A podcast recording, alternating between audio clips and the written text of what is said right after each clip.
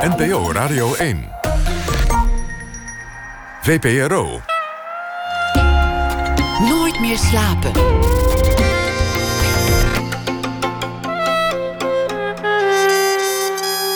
Met Pieter van der Wielen. Goedenacht, dit is Nooit meer slapen. Vier bladzijden duurt hij. De eerste zin van de nieuwe roman van Rutger Ponsen. Geen punten, geen hoofdletters, wel één keer een uh, vraagteken midden in de zin. Ik had ooit een leraar Nederlands die, zodra je dat deed, 13 willekeurige leerlingen op het schoolplein liet fusilleren. Dat was nou echt een taalnatie. Maar goed, vier bladzijden dus, één zin. En dat is nog helemaal niks, want in Ponsens vorige boek bestond de hele boek uit één zin. Een langgerekte Flu de Bush, geheel autobiografisch, ging over zijn jeugd in Tilburg in een groot katholiek gezin. Als zoon van een lokale notabele. En hij die dan later bij een bekende krant kwam te werken. En nu een nieuw boek, Homers Vlucht. Speelt zich geheel af tijdens een vliegreis. Waarheen, waar vandaan, komen we nooit te weten. En daar op 13 kilometer hoogte denkt Homer na over zijn leven. En over uh, de vraag of je andermans leed ooit kunt voelen. En over goed en over kwaad. Het is een soort Marcel Proust met airmaals. Rutger Ponsen, geboren in 1957, is schrijver. Schrijft over kunst voor de Volkskrant. En één thema waar hij over heeft geschreven is of je kunst ook kunt beleven zonder museum. En dat is natuurlijk heel toepasselijk nu uh, Nederlands musea tijdelijk. En veel daarvan, vrees ik, voor goed gesloten zullen zijn. Hartelijk welkom, uh, Rutger Ponsen. Wat leuk dat je er bent. Dank je voor de uitnodiging. Dat is, uh, dat is nogal gewaagd om gewoon een, een boek te schrijven in één zin. Ja dat, was, ja, dat was inderdaad uh, even peentjes zweten toen ik het bedacht, midden in de nacht, in de Franse hotelkamer.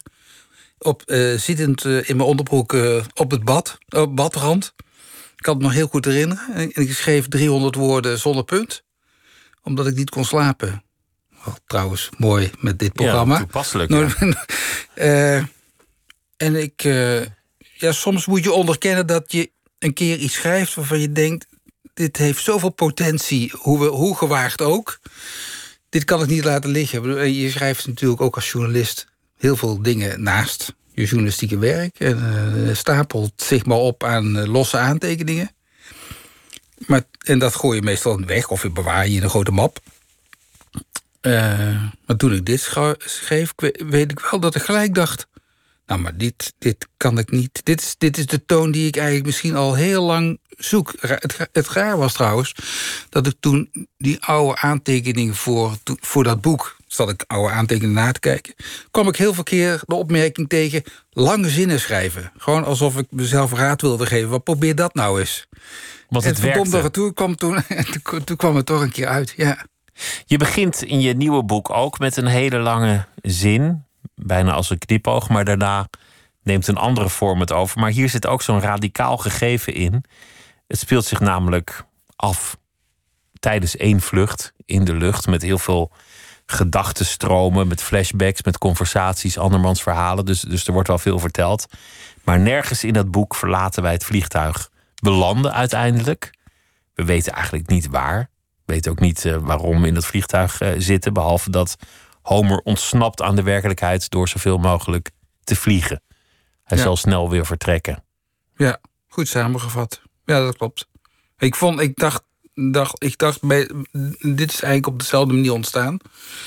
Toen ik het eerste boek uh, af had gehecht, zullen we zeggen, uh, met kleine aantekeningen om het te voltooien in Madrid, had ik een, een, kamer gehuurd voor een week.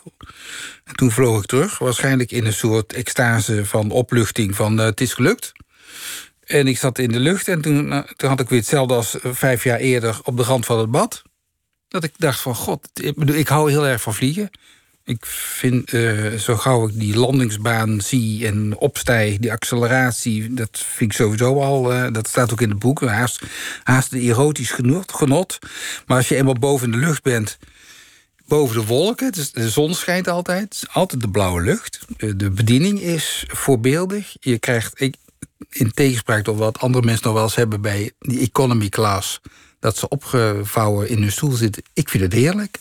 Om opgevouwen uh, te zitten? Nou nee, maar ik vind, het, ik vind het lekker om daarin te zitten. Het is gewoon, het, ik vind het helemaal niet zo heel klein. Ik krijg altijd te eten. Ik krijg een, bestel een wijntje erbij. Ik zit een beetje te mijmeren. Mijn mobiel staat uit. ik heb nergens last van in de om, van de omgeving. Ik heb ook nooit ongeregeld mee, eh, ongeregeldheden meegemaakt in het vliegtuig van pas, andere passagiers. Ik vind het altijd een genot. Ik geniet van het eten. Het is een beetje gratis tijd hè, als je, als je vliegt. En het duurt ook altijd twee keer zo lang, merk ik. Dus die vlucht van Madrid terug naar Amsterdam... die duurt ook heel erg lang. En ik weet dat ik daar toen zat... en god, wat, wat, wat een heerlijk, rustgevend idee. En gelijk borrelde zoiets op. Kan, kan ik hier niet iets mee? Maar dit is zo'n even sterke impuls als dat je 300 woorden schrijft zonder punt. Als gedachte, als, als fenomeen. Dat je, dat, je, dat je zo luchtig en licht, maar wel vol gedachten en nieuwe gedachten die je beneden niet krijgt. Kan ik daar iets mee? Kan je daar een boek over maken? En eigenlijk die, tijdens die twee uur durende vlucht is dat hele boek. Ik, weet, ik heb het kaartje waarschijnlijk nog ergens bewaard. Daar staan ook gewoon op van, uh, nou dat moet dan een vlucht worden van over Europa, door, door de nacht heen, uh, met een aantal figuren die de hoofdfiguur, die voor de rest niet zo heel veel te melden heeft, uh, gaan aanspreken. En, en, dan is het handig om misschien een idealist te hebben, een realist en een cynicus, mensen die verschillende stemmen vertolken van hoe je over de wereld beneden kan nadenken, terwijl hij die zelf eigenlijk het liefst wil ontvluchten. En eigenlijk zat zat het hele boek in twee uur eigenlijk al in elkaar. Nou ja, goed. De rest was nog vijf jaar schrijven. Maar dat. maar je, je hebt zelf een grote liefde voor, voor het vliegen. Wat vind je eigenlijk het leukste? Het instappen, het uitstappen, het opstijgen? Nee, nee, bo bovenin zitten en mijmeren. Ja, en vooral, ik vind nachtvluchten... Uh, uh, ik had onlangs nog eentje naar, uh, naar, een van de laatste vluchten trouwens... op en neer naar Mexico vanwege mijn werk voor de krant. En dat was een nachtvlucht vanaf Amsterdam naar Mexico. Dus dat vlieg je de hele nacht. Dus alleen maar donker. Nou, ik heb eigenlijk volgens mij uh, en een beetje, een beetje geslapen. Maar ik heb eigenlijk als een van de weinigen nog gewoon de hele nacht zitten lezen. En een lampje aan. En dan loop je eens een keer door, door de gangen heen. En dan ga je weer zitten. En ja, en je bestelt een drankje als, als een stewardess langskomt. En die is altijd voorbeeldig, want dat krijg je dan. En ik vind het heerlijk. Ik vind het ontzettend. Ik vind het echt kwaliteitstijd. Waar heel veel mensen denken van wat. Dat is verloren tijd, maar voor mij niet. Ik vind het heerlijk. Ik vond het heerlijk om het te lezen tijdens zo'n uh, lockdown of, of uh, quarantaine, of hoe je het ook noemt. Waarin je niet kunt vliegen. En, en misschien gaat het nog wel heel lang duren voor we ooit weer lekker in een vliegtuig zitten. En alle, alle vluchten hoe heet het, alle vliegmaatschappijen gaan intussen hartstikke failliet als je niet uitkijkt. Is het bijna nostalgisch om te lezen over een vlucht. En die toestand waarin jouw personage zich bevindt, een beetje mijmeren, nadenken over zijn leven en het verleden. Daar, zit volgens mij iedereen zo'n beetje wel in momenteel. Het gekke is dat ik, ik, voel, ik voel, als ik nu gewoon thuis ben, voel ik me eigenlijk als Homer in die. Uh, hij, zit, hij zit in business class, want het is voor een boek wel iets leuker dan economy class. Uh, maar dan, ik voel me thuis ook business class zitten. Uh, ja, ik neem aan dat je, niet, denken... dat je niet zo klein woont dat je je economy class Nee, nee, nee, zitten. maar ik moet, wel, ik moet wel denken aan andere mensen. In, in die zin, uh, Homer heeft... ja, ik weet niet of Homer, de hoofdfiguur, echt een groot schuldgevoel heeft. Ik misschien ook niet, maar ik denk natuurlijk toch ook wel aan allerlei mensen... die met kinderen op een drie hoog achter ergens in Amsterdam wonen. En uh, die, zitten, die zitten, zullen we zeggen, economy class. Ja, ja, ik begrijp, ik begrijp wat je bedoelt. Uh, en die zitten ergens anders of die zitten beneden. En ik zit, in, ik zit nu in dezelfde situatie als de hoofdfiguur. Dat ik thuis uh, boeken kan lezen en af en toe iets voor de krant doe. En uh, kan mijmeren over, nou goed, over alles wat je voor de rest normaal misschien niet kan mijmeren. Dus ik, ik heb ik zit, en misschien meerdere mensen met mij, in dezelfde soort situatie. En je denkt na over. Uh, ja, je probeert je toch het nieuws voor te stellen uh, door het lezen van de krant en door het kijken naar het journaal. Uh, dat je ook en denkt, nou, ik hoef niet alles te weten, want ik word er eigenlijk zelf ziek van. En anderzijds probeer je heel goed voor te stellen wat er uh, bij wijze van spreken een kilometer verderop gebeurt in een ziekenhuis, waarin iedereen op tilt staat, gewoon omdat het omdat het daar leven en dood uh, elkaar uh, afwisselen. Dat is de, een van de grote vragen waar je personage over nadenkt. Je krijgt steeds meer informatie over anderen, steeds meer nieuws tot je berichtgeving, maar ook op andere manieren. Word je steeds meer geconfronteerd met het lot van, van anderen, veel meer dan vroeger. En tegelijk lukt het je eigenlijk niet meer om met iedereen medeleven te voelen. Dat is schier onmogelijk om je alles aan te trekken.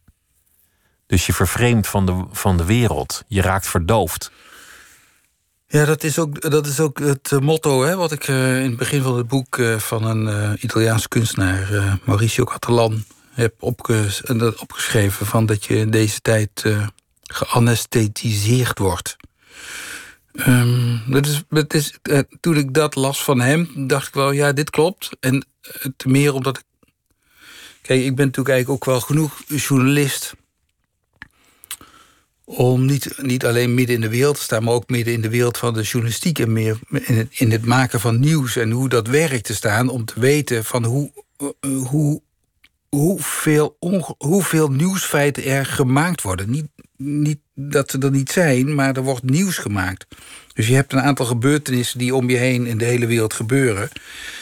Maar de, de, nieuwsberichten, wij als journalisten zorgen er toch voor dat met onze correspondenten, onze internetverbindingen, dat wij ook echt die hele wereld bij iemand anders binnen kunnen krijgen, binnen kunnen brengen.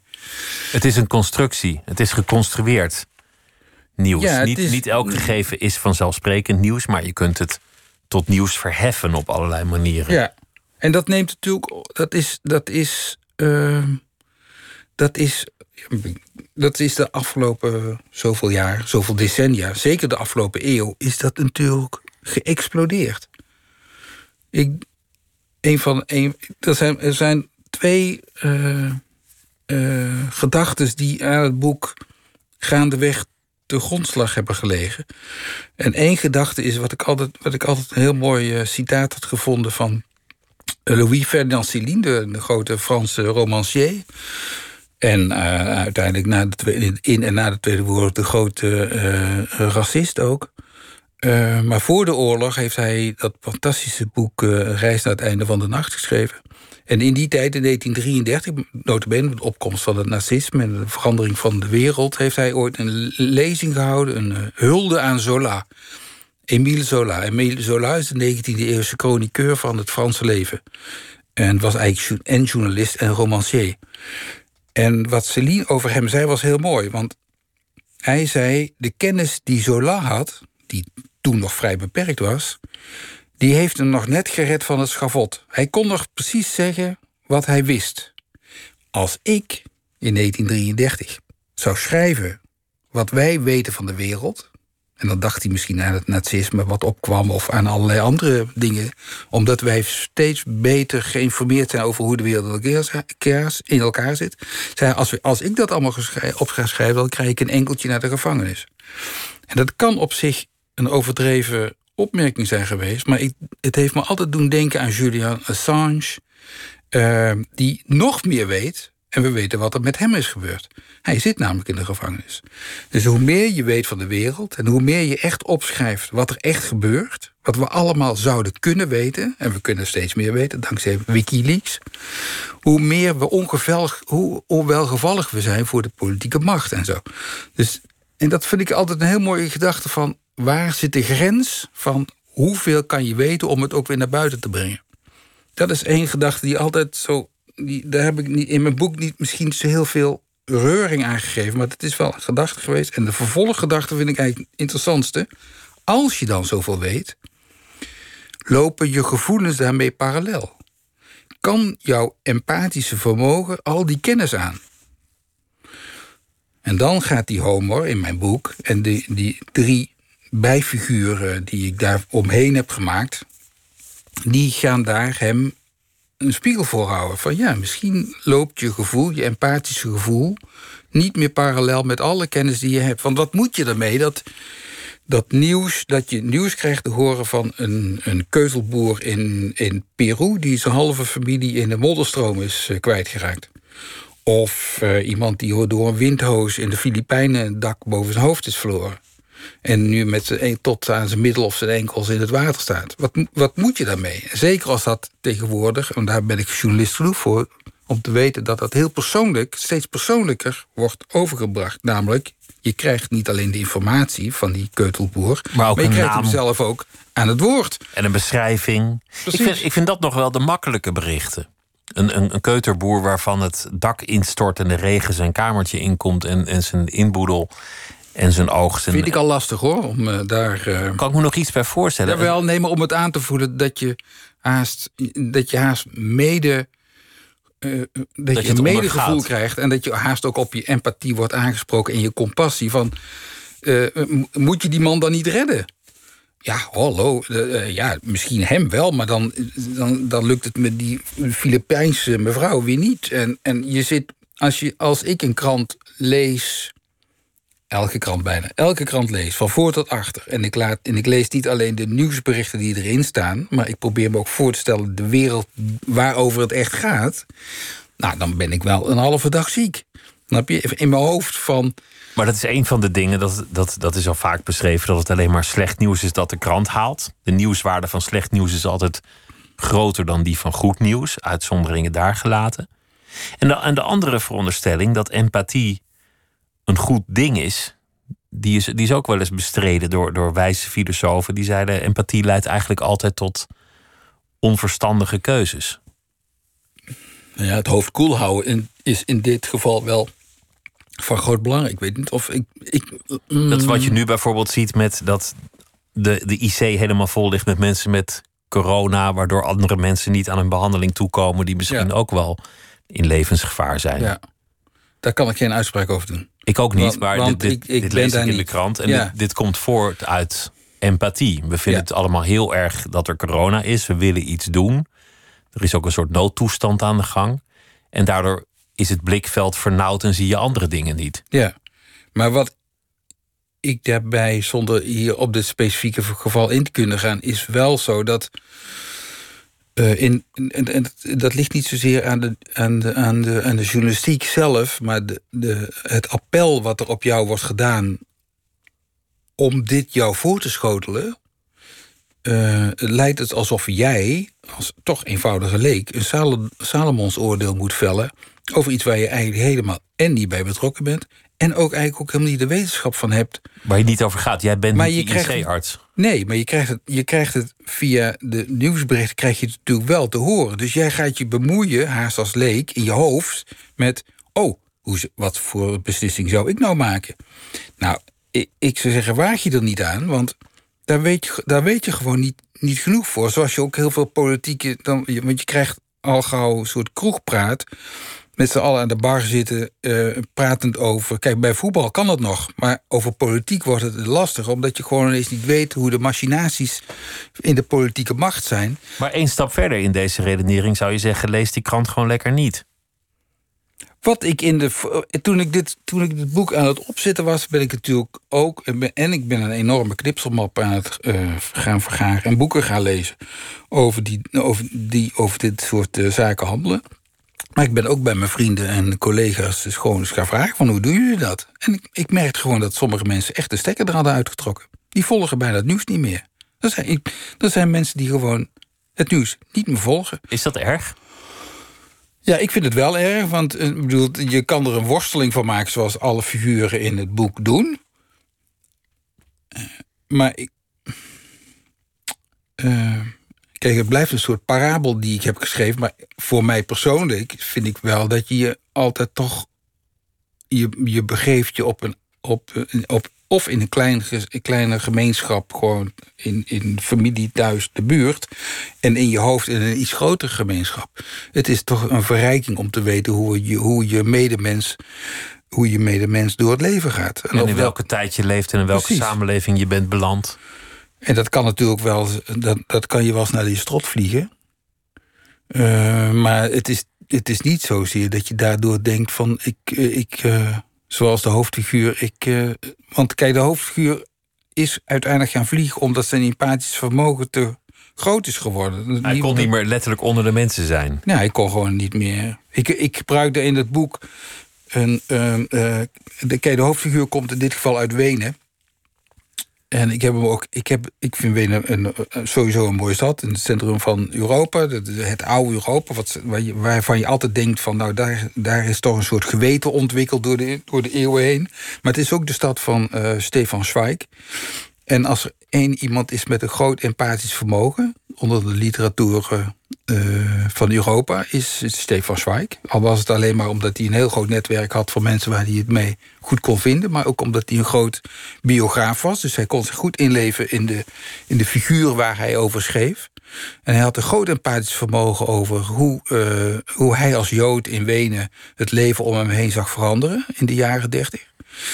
En hij is uiteindelijk naar Brazilië gegaan met zijn tweede vrouw... en heeft daar zelfmoord gepleegd. Om die reden. Omdat hij, in 42 geloof ik...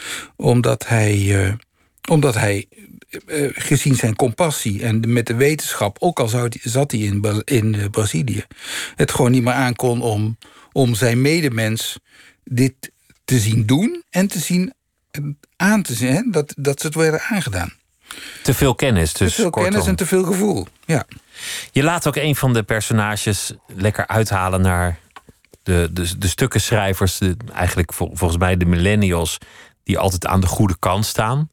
Die als een soort wijsgeren een probleem opwerpen en dan zichzelf als oplossing of, of als staande aan de goede kant eronder schrijven.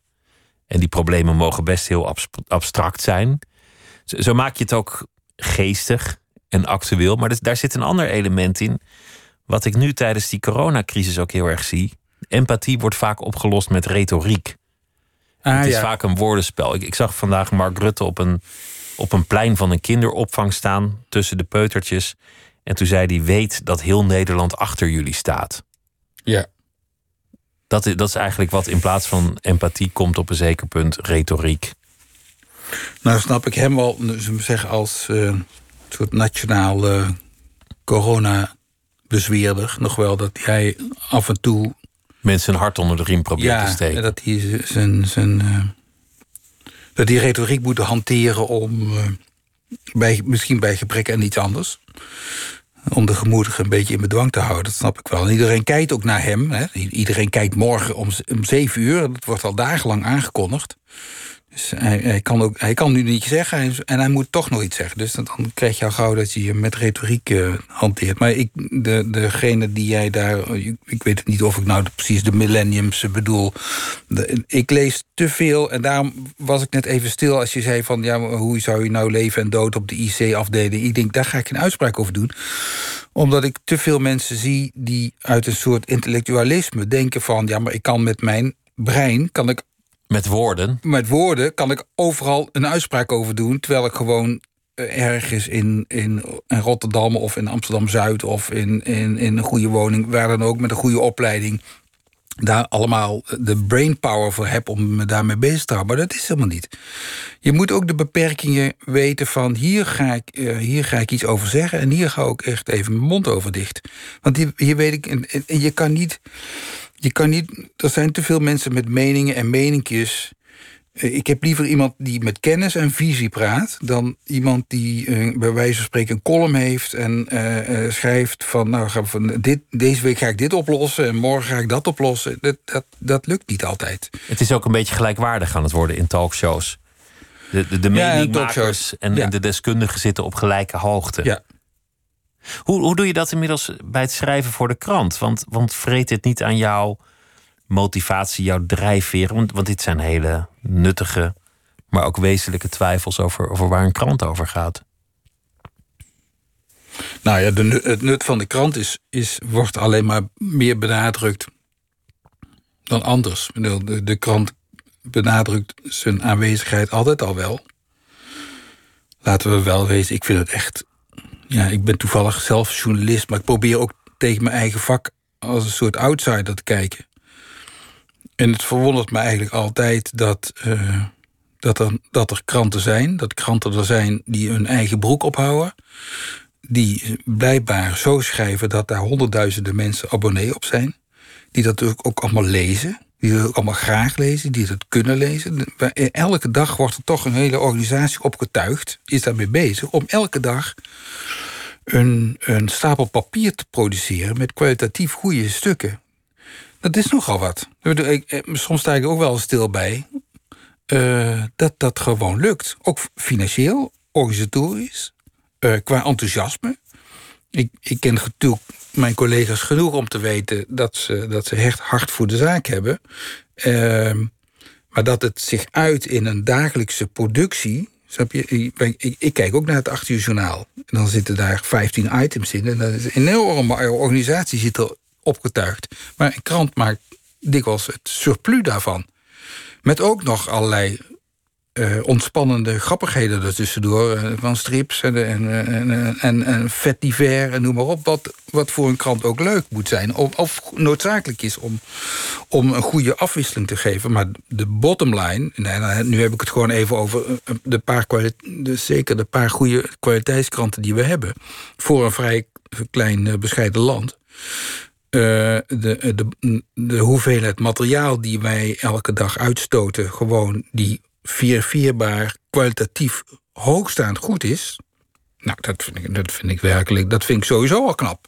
En nu is het ook nog echt een bron van informatie.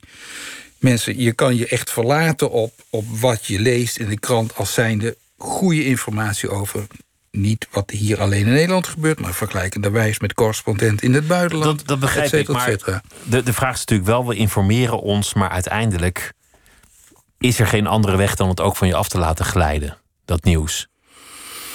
Je kunt denken, oh, dit is zo erg, ik moet iets doen, maar niet bij alles. Nee, maar tussen, tussen, tussen, uh, tussen, uh, tussen het gaan lezen en het je uh, laten afgeleiden zit toch het woord verrijking. En dat je het weet, dat je kennis dat neemt. Dat je het weet. Ik bedoel, dat klinkt, dat is, feitelijk is het heel egocentrisch. Ik verrijk me door het lezen van een krant of het kijken naar een goed programma of het luisteren naar een goed radioprogramma. Ik verrijk me als persoon met kennis die ik opdoe. Um, en daar doe ik misschien daadwerkelijk niks mee. Uh, maar, maar ik word er een... Ja, ik bedoel, egocentrisme. Ik, ik, ik weet niet. Er zijn schrijnende gevallen wanneer het te bond wordt. Maar een beetje egocentrisme. Nee, egocentrisme, ik noem het ook speciaal geen egoïsme. Egocentrisme is op zich niet slecht. Maar bedoel, je, je, het is, natuurlijk wel zo... De, pardon? Dat is gewoon een feit van het leven. Maar je doet, je doet informatie op die, uh, die, uh, die je kennis geeft van wat er om je heen speelt, zonder dat je daar daadwerkelijk ingrijpt of iets mee doet. Um, goed, dat, dat, is, dat is nog vers 2. Maar het feit dat je jezelf verrijkt, ja, vind ik natuurlijk, natuurlijk wel bijzonder. En daarvoor moeten we dat altijd uh, ons blijven informeren. Je hebt uh, muziek meegebracht van Van Morrison, The Way Young Lovers Do. En dat is muziek die jou altijd vrolijk maakt. Het is, het is ook opwekkende muziek. Muziek die, die op de een of andere manier een gevoel van vrijheid en, en mogelijkheden geeft. Een optimistisch liedje is het. Daarna wil ik het met je hebben over, over de kunst, waar je veel over schrijft. En, en de musea en hoe dat in godsnaam verder moet.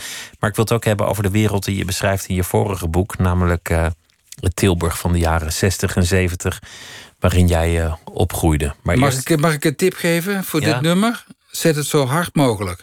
Als de, als de buren niet dat moet, dat, dan, worden en dan, dan, hoor je, dan, dan kunnen die meegenieten. Van Morrison, The Way Young Lovers Do. We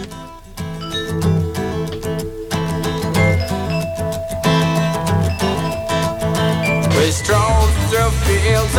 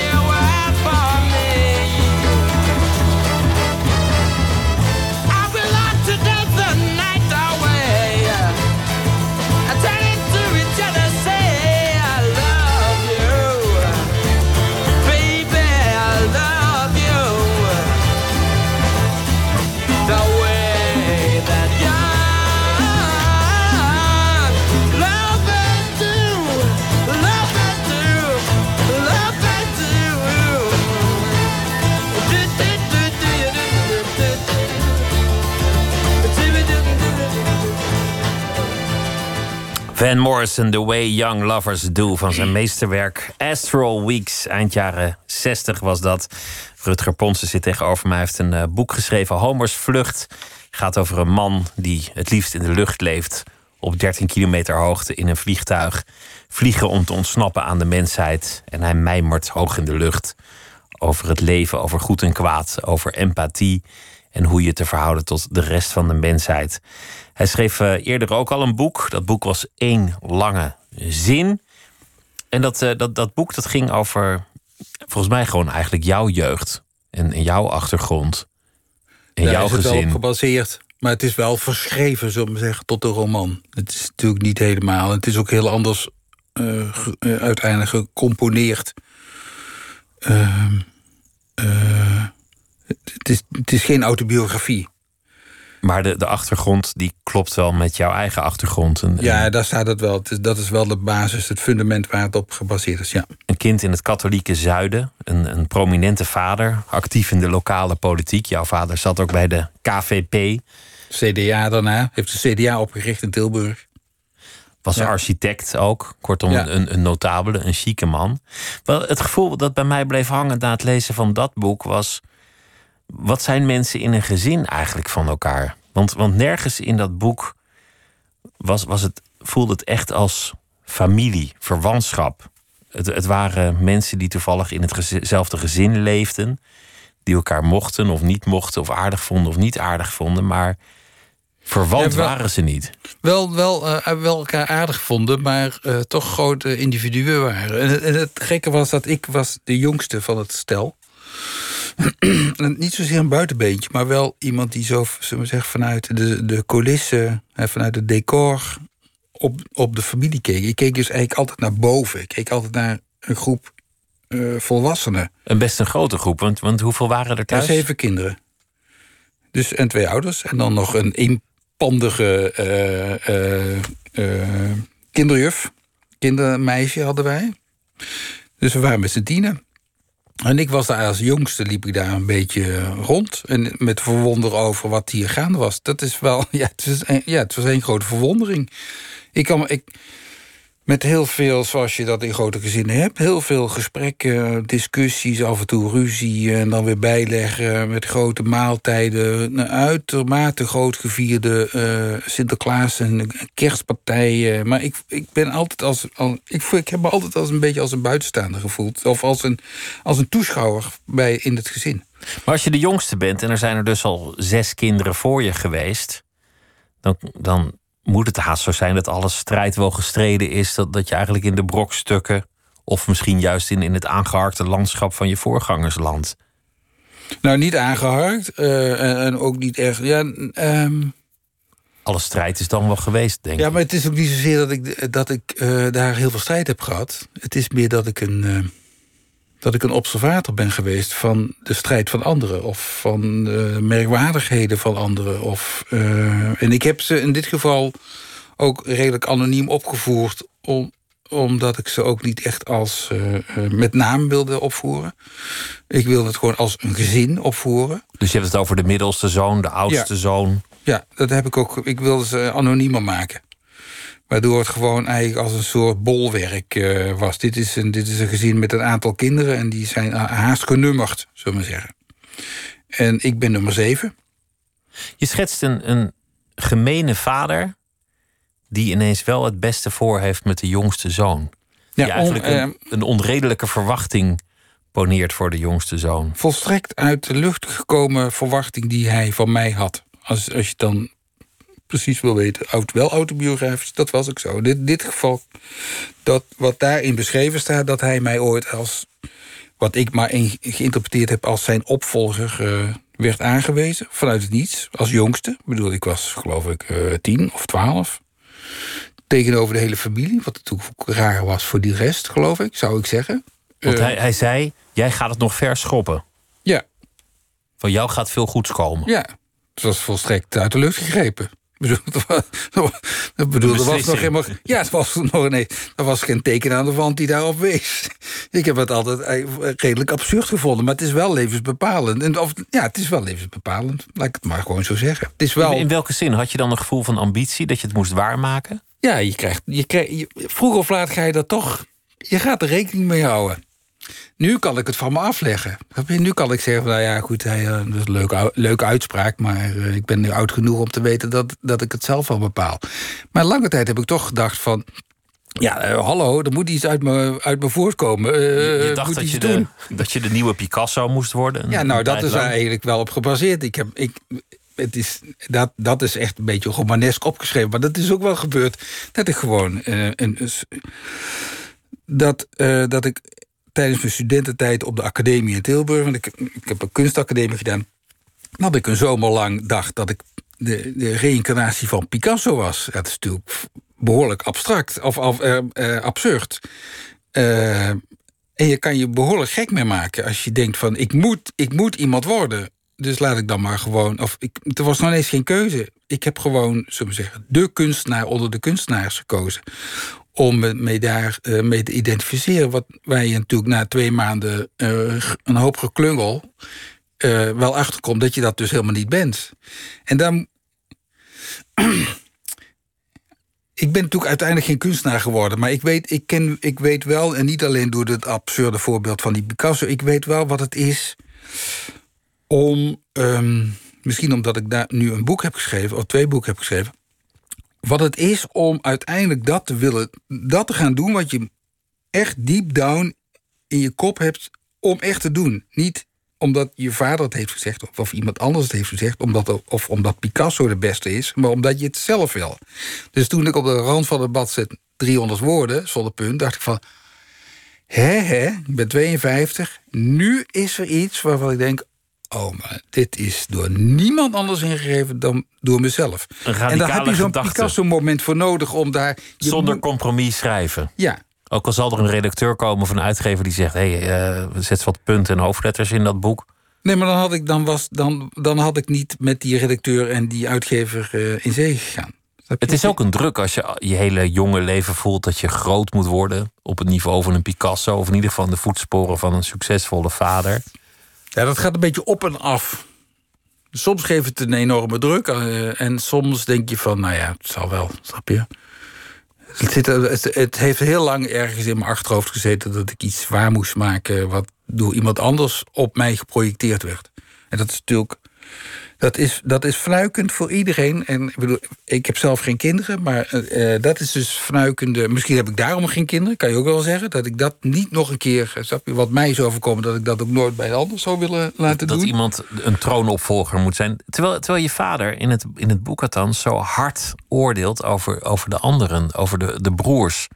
Hij noemt een van je broers die homoseksueel is gewoon flikker. Ja. En nicht en weet ik veel wat allemaal niet. Hij kon heel hard zijn. Dat was een. eh, eh, ehm, eh, in aanloop van, in aanloop van dit, dat boek heb ik ook ehm, met mijn. met een oom van mij gesproken, zijn jongste broer, die toen nog in leven was. Hij, dat kwam, zij kwamen uit een Duits gezin.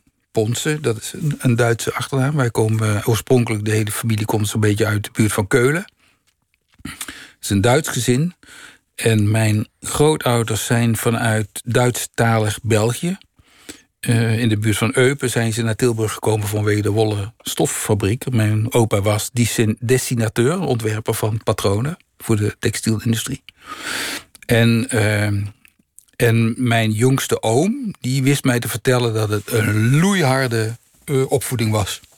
Dus hij had het, jouw vader had het van zijn jeugd meegekregen. Ja, je kon het daar hardheid. maar nog niet zo kwalijk nemen. Hij heeft, ik vind, eh, eh, natuurlijk in zo'n boek eh, eh, doe je soms iemand recht en misschien wat onrecht aan. Je, je probeert iets, iets scherp te stellen. eh, en daarom heb ik het verschreven, heb ik, zeg ik ook. Eh, maar hij had echt zijn harde, hij had zijn harde kanten. En, eh, en eh, onder druk van de omstandigheden, het niet helemaal begrijpen van zijn tijd, kon hij af en toe flink uithalen. En dat heeft hij bij mijn broers heeft hij dat gedaan, ja. En dat heb ik natuurlijk als jonge, jonge jong, de jongste, eh, heb ik dat wel gezien. En dat is natuurlijk, daar, daar is het boek natuurlijk ook voor een groot gedeelte wel op gebaseerd. Dat, je, dat is wat je waarneemt. Ik heb zelf die strijd met hem nooit gehad, want die strijd. Misschien wilde hij het wel goed maken toen jij er was. Misschien dacht hij met de laatste Moet het toch Ah, hij heeft gewoon, hij heeft, ik denk dat, dat komt in het boek ook. Nou, ik denk dat hij eh, de, de, de enige troefkaart die hij nog had, was op de meest onbeschreven eh, kind wat, wat er nog was. En dat was ik. Eh, en dat heeft hij in een vroegtijdig stadium gedaan. Omdat hij dacht van, nou ja, de rest is misschien afgevallen. Of daar, daar heb ik niet het grootste vertrouwen in. En dan zet ik mijn kaarten zet ik op, op de jongste. Het was, nee, het was tijdens een kerstdiner. Het was echt een eh, totale maffe bijeenkomst. Ik, heb daar, ik weet wel dat ik daar nog een uur eh, naar het plafond heb zitten staren... van wat, wat is mij overkomen. Dat wist ik toch als jongen ook wel. Van die negen gezinsleden zijn er eigenlijk nog maar weinig over. Dat is een beetje drama voor ons gezin, ja. Ja dus we zijn allemaal eh, vroegtijdig overleden. Behalve mijn moeder, die is eh, enkele jaren geleden... oh, nou, is al een tijdje geleden. Die is, die is 93 geworden. Hoeveel, Maar- zijn, hoeveel zijn er nu nog? Ik heb nog eh, twee zussen en één broer. Dus we zijn we nog met z'n vieren. En de rest is allemaal dood. Ja. Ja. Je had het eerder in het gesprek over, over empathie in een stuk in de krant. En toen noemde je een willekeurig voorbeeld van een. Wat was het? Het noodlot. Een, een keuterboer in Bolivia waarvan het Ja. dak instort door regen. Het, het zijn ook een beetje zulke verhalen bij jou aan het gezien. Het noodlot slaat onver, Ja, dat is wel onverbiddelijk echt toe. noodlot. Ja, vind ik, ja dat, is, dat wens je echt iemand toe. En dat, ik, heb het, ik, heb het, ik heb het altijd heel erg eh, moedig gevonden van mijn moeder. Die daar eh, natuurlijk, ja, die is daar toch getuige van geweest. Eerst haar man, die eigenlijk net gepensioneerd was en eh, hup, van de ene dag op de andere dag eh, wegviel. Een En daarna drie kinderen. Nou, dat vind ik wel. eh, daar heb ik altijd bewondering voor gehad. Ik was toen wel grotendeels. Nou, in het begin nog niet, maar daarna ben ik wel uit huis geweest. Maar ik heb natuurlijk altijd toch wel eh, contact gehouden. En, hè, natuurlijk. En je gaat er naartoe en je probeert iemand te troosten, bij wijze van spreken. Ja, dat is lastig. Ja. En ik heb heel veel bewondering voor haar gehad, hoe ze dat heeft gedaan. Ja. Een van jouw broers stierf van aids. Ja. En een, een jongen die een, een moeilijk leven had gehad, in sommige opzichten. Een, een, een moeilijk liefdesleven in ieder geval. Zoals veel homo's, eh, geloof ik, eh, zeker toen. eh, toen coming out weliswaar ook bij ons gezin redelijk bespreekbaar was. Maar ik ken heel veel homo's van die leeftijd. Toen ook, ook vrienden van hem natuurlijk. En die hadden eigenlijk allemaal het, hetzelfde probleem. Niet alleen naar, buiten komen, maar gewoon merken dat de hele omgeving nog niet geoutilleerd was om het te accepteren. En dat was bij ons in het gezin ook lastig. Mijn vader, die niet niks hem daarop heeft uitgescholden. Maar ook, ik weet ook wel dat hij heeft geprobeerd op zijn manier eh, hem eh, bij te staan. Eh, en dan weer niet. Snap je? Eh, en mijn broer heeft. Ja, mijn broer heeft echt een heel vervelend leven gehad, vind ik eigenlijk. Ik bedoel, er was ontzettend veel te lachen met hem. En hij woonde ook in Amsterdam. Het was ook een soort maatje van mij. We kwamen elkaar elke drie dagen, eh, om de, drie dagen elkaar tegen. Gingen bij elkaar eten. Dus ik vond het zelf ook heel vervelend. Maar ehm, ik heb ook gemerkt aan hem hoezeer hij zoekend eh, naar zijn. Ja, Wat je nu met een, het woord identiteit, wat je natuurlijk om de oren mocht geslagen. Maar dat was toen bij hem echt het geval. Van hoe moet ik dat leven nu goed invullen? Ehm, ik vind, ik merk dat ik nog steeds te lastig vind om erover te hebben. Het, het, wat je schrijft is meedogenloos. Ik bedoel, niet meedogenloos voor jou om te schrijven, maar eh, het lot is meedogenloos. Een jongen die op zoek gaat naar one-night stands in, in Ja. het circuit in Amsterdam. En op, op een dag, ja, met, met laten we zeggen, de B-keuze thuis komt. En, en gewoon in elkaar wordt geramd in zijn eigen huis. Zoals zoveel, en, en waarschijnlijk nu nog, en zo- zoals zoveel daarom. En dat lot van hem heeft me echt aangetrokken, over empathie gesproken. En zijn stereo-installatie nog meegenomen. Ja, ja, ja. ook. Ja, en hij vertelde dat al. Ik was een van de weinigen die dat allemaal te horen kreeg van hem. Omdat we gewoon bij elkaar in de buurt woonden. En ik heb ook nog een tijdje met hem samen gewoond, dus ik kreeg dat ook allemaal te horen. Ik wist wel wat er bij hem aan de hand was. Nou, dat was niet leuk, nee. En, ik, en hij was ook iemand die gewoon elke, elke avond op pad ging. Elke avond weg om op zoek te gaan naar de liefde die hij maar niet kon vinden. Omdat hij eigenlijk viel op hetero mannen. Dat Dat, dat, dat, dat zal je toch maar overkomen. Dat je gewoon eigenlijk bij theorie al weet: dit gaat nooit lukken. Ik ga die man nooit vinden. Die Ik ga die man nooit vinden. vinden. Dus dat is, dit is een totale hopeloze, eh, hopeloze onderneming geweest. En dan uiteindelijk aan aids overleden. En dat, dat was toen ook nog. Dat was, daar stond toen echt drie jaar voor. Hè? Dus als je, je kreeg het te horen. Hij kreeg het te horen op mijn verjaardag, eh, ik weet niet precies, 1989 geloof ik. En ik weet wel dat, ik, dat we tegen elkaar zeiden: van, Nou, drie jaar. En het is volgens mij op de dag nauwkeurig drie jaar. In die Eh. tijd was er, was er niets van een, van een remedie, van een nou, medicijn. er waren wel medicijnen om het een beetje, eh, pff, een beetje draaglijk te maken. Maar het was een doodvonnis. Het was zonder meer een doodvonnis. Ja. En, en, ehm, en dat, daar, dat- omdat het toen echt eh, in die epidemie, dat is ook een epidemie feitelijk, eh, dat heel veel, heel veel mensen het eigenlijk niet goed begrepen. Kan je, net zoals nu, kan je iemand wel met aids een hand geven? Eh, kan je me omarmen? Kan je erbij blijven? Eh, dat, was toen, dat was toen allemaal de vraag. Ik, ik, ik ken mensen die zich van hem hebben afgewend omdat hij aids had. Dus dat komt er dan ook nog bij. Nou, dat vond ik wel voor iemand die, die zoveel affectie verlangde van zijn omgeving en dat ook nodig had, was dat wel, Een was eenzaam, een eenzaam. Eenzaam, eh, ja, zeker. Hij had goede vrienden. En we hebben het echt met z'n allen opgelost, eh, zijn verzorging. Ehm, we hebben dat, dat- er zijn een aantal vrienden bij geweest. Die, dat was echt een geweldige club. Ja, Je hebt, en dat, dat staat ook in dat boek, uiteindelijk dat kunstenaarschap ingeruild voor iets anders heel moois, namelijk de liefde voor de kunst. En zo ben je gaan schrijven. En dat is een van de onderwerpen waar je het meest over geschreven hebt, is eh, kunst en, en cultuur. En daar schrijf je nog steeds over. Een thema dat, dat een aantal keren jouw stukken naar voren komt, is eigenlijk: wat is een museum? Hoe, hoe moet je een museum vormgeven? Hoe moet je naar kunst kijken? Dat is een thema dat jou altijd wel gefascineerd heeft, volgens mij. Kijk, als, als kan je eigenlijk. Ik, je kan op meerdere kanten, op meerdere manieren naar kunst kijken. Natuurlijk, wat, wat je normaal doet, is gewoon dat je naar een kunstwerk kijkt. En dat, dat is eigenlijk wat van ons critici verlangd wordt: dat je daar een oordeel over geeft. Of dat je inzicht geeft in de kwaliteit daarvan. En dat is op zich, dat moet ook gewoon gebeuren. Dat willen mensen graag lezen. Maar wat ik ook interessant vind, is het hele mechanisme daaromheen. Eh, want een kunstwerk zie je altijd in de context van iets anders. En de context is in dit geval altijd het gebouw. Maar het hangt, wat natuurlijk een merk- merkwaardig gebouw is. Je moet naar een gebouw om naar een schilderij te gaan kijken. Dat heb ik altijd heel gek gevonden. En dat gebouw ziet er eigenlijk, met alle respect voor de heel veel museumarchitectuur, eigenlijk niet uit. Want het ziet er meer als een crematorium uit. Met witte muren en een krakende vloer. Het is gewoon een soort laboratorium eh, totaal artificiële omgeving... waarin je dus naar hele mooie dingen zit te kijken. En dat heeft me altijd gefascineerd hoe dat kan. En waarom dat is. En ik snap wel waarom het zo is, omdat het 60 jaar geleden anders was. En toen iemand op het idee kwam, laten we die muren eens wit gaan schilderen... dan zien we beter misschien hoe die schilderijen eruit zien.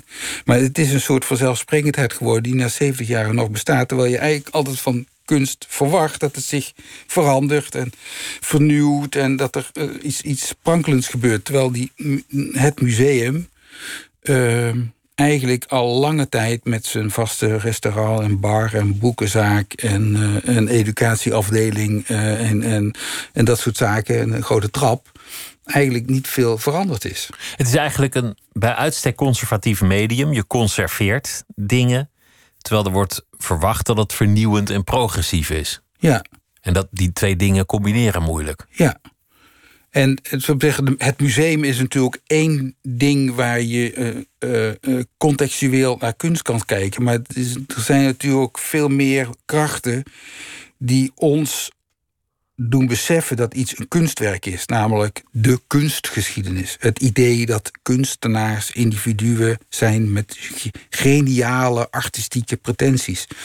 Het feit dat er kritiek is, zoals, zoals wij dat schrijven. Als wij er niet over schrijven, bestaat het bijna niet. Want dan zou jij, bij mij spreken, niet hebben gelezen en niet naar een museum zijn gegaan. Dus er zijn allerlei omstandigheden om het kunstwerk heen, waardoor dat kunstwerk belangrijk begint te worden. En ik vind dat, ik vind dat, kan je niet de hele tijd over schrijven, dan word, ik bedoel, dan, dan word je horendol. Uh, maar het is soms heel goed om te weten van wat voor krachten er uh, uh, spelen om jou naar dat ene unieke kunstwerk te voeren en daar in verwondering naar te laten kijken. Terwijl, zullen we zeggen, als je naar de Mona Lisa in het Louvre gaat kijken, zal jij en ik ook niet kunnen zien of het nou een ingelijst affiche is of een schilderij. Want er is weer zoveel toestand omheen gemaakt dat je nog ineens niet dat schilderij zelf kan zien. Er hangt glas voor en dan nog een doek of, of een soort touw dat je niet te dichtbij mag komen. Het is allemaal context om het belangrijk te maken. Maar daarom is deze tijd zo interessant. Dat die musea dicht zijn, wat, wat tragisch is en een, een gigantische ramp voor de museumwereld. Maar tegelijk dwingt het ons nu ook om online te kijken, wat een heel andere beleving geeft. Ja. Laten we eerst zijn, laten we, laten we wel inderdaad, voordat we uh, kijken wat het kan opleveren, deze crisis aan nieuwe mogelijkheden, inderdaad wel blijven stilstaan met het. Uh, met die gigantische met de desastreuze gevolgen voor uh, bezoek, personeel, financiën, logistiek. hoe krijg je straks al die mensen weer het museum in? hoe ga je dat opstarten? En dat je dan even niet denkt van ja, te veel of te weinig toeristen. En dat maakt hem niet uit. Ik bedoel, het is van belang nu om even stil te staan hoe je, hoe je die dingen niet laat omvallen, die musea. Maar dat gezegd hebben, is het inderdaad wel waar. Dat er kan ook, het, het kan ook zijn dat door alle activiteiten die er nu om het, het, het stilgevallen museum uh, worden georganiseerd, dat er misschien activiteiten zijn die nu worden gestart en die hopelijk, omdat ze hun recht van bestaan wel hebben, dat ze nadat de coronavirus afgelopen is en iedereen weer naar het museum gaat, dat dat niet afgelopen is. Dat, dat die nieuwe activiteiten en nieuwe initiatieven, de verrijking, vind ik wel, niet alles, maar heel veel dingen zijn een verrijking. Om jou als kijker achter een scherm of op een andere manier via de krant of tv virtueel je met kunst te, te laten bemoeien. Je hebt nu een dat stuk blijft bestaan. Je hebt een stuk geschreven over Malraux, die ooit voorstelde om een soort virtueel museum te dat maken. Gaat, dat gaat nog, dat, let wel, dat, gaat, dat stuk dat komt nog vrijdag. Um, maar daarin is, sinds speel ik wel op wat André Malraux ooit heeft, uh, heeft bedacht, namelijk het, uh, het Musée Imaginaire. En ik heb daar wel eens eerder over geschreven, over het belang van reproducties. Uh, en uh, kijk, wat wij in de kunstwereld heel erg sterk hebben, is natuurlijk uh, de, de, dus net als met de Mona Lisa, dat je oog in oog staat met dat een, ene unieke, door de kunstenaar zelf gepenseelde kunstwerk. Dat je een soort van starstruck bent. Precies, het aura van het origineel. terwijl ik veel meer ben van waardoor word je gegrepen? En dat kan dus ook gewoon van een foto van een schilderij zijn. Een goede foto die op juiste manier is afgedrukt in een krant, kan, ondanks dat het de oplage van 2 of 300.000 is, kan net zoveel jou bij je keel grijpen, omdat je hem op dat moment goed ziet, het net anders ziet, zoals je tegenwoordig met Google Art kan inzoomen op de kleinste details van de schilderij die je in het echt niet ziet. Maar Google Art wel op je scherm, dat je denkt dat je dingen ziet die je in het echt niet ziet. Waar je door dus, ondanks dat het multimediaal is, toch nog gegrepen kan worden. En dat zou een verrijking kunnen zijn. Ik, en, en dat Malraux, die is daarmee bezig geweest. Er zijn anderen die daar ook uh, de afgelopen eeuw mee bezig zijn geweest. Van hoe kunnen we nu reproductietechnieken inzetten om die, dat sensatiegevoel van kunst te verruimen. En dat zou wel heel mooi zijn om, om dat niet te vergeten als we straks weer allemaal naar het origineel gaan. Er stond een uh, ingezonden brief van de directeuren van het Stedelijk Museum Amsterdam en het uh, Museum van Den Haag en van Haarlem, dus alle stedelijke musea, uh, in de krant vanavond. En, en het was een, een heel zorgelijke brief. Ja. Dit zijn al hele grote instituten. Dit is nog niet een regionaal museum in, in, in Assen of, of waar dan ook. En deze mensen maken zich echt al zorgen over het voortbestaan van, van die instituten. Het kost, het kost het stedelijk uh, 100.000, 150.000 euro per week, geloof ik.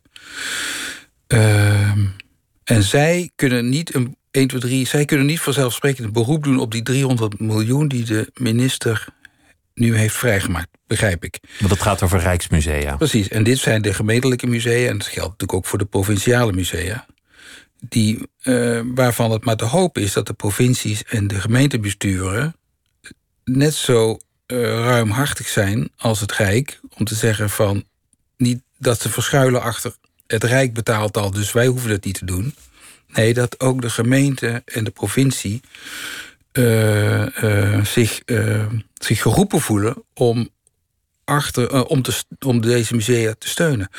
En, en ik hoop dat de politiek nu eens een keer wakker wordt. In die, die zin is de oproep heel goed. Dat de politiek echt wakker wordt om te denken van... die musea zijn van groot belang. Want het museumbezoek in Nederland is ongelooflijk groot. Ongelooflijk groot. Hoeveel miljoenen mensen er niet per jaar naar kunst gaan kijken. Dat is, dat is niet alleen financieel, maar het is ook een, een belangrijk gegeven. En dat kan je niet, uh, dat kan je niet makkelijk wegschrapen van... Uh, nou ja, het komt ons niet zo goed uit. Dus er zijn te veel bezuinigingen geweest op kunstgebied en op museumgebied... om dit, uh, om, om dit nu nog te tolereren. Dus ik vind ook dat dat de, over, over empathie en geweten gesproken... Dit, gemeente en provincie zich aangesproken moeten voelen. Rutger Ponsen, dank je wel dat je langs wilde komen. En uh, het was een, uh, een fijn gesprek. En het boek heet Homers Vlucht. Dank je wel.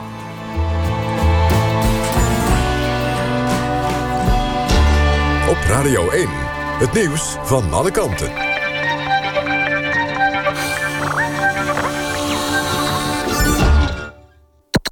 NPO Radio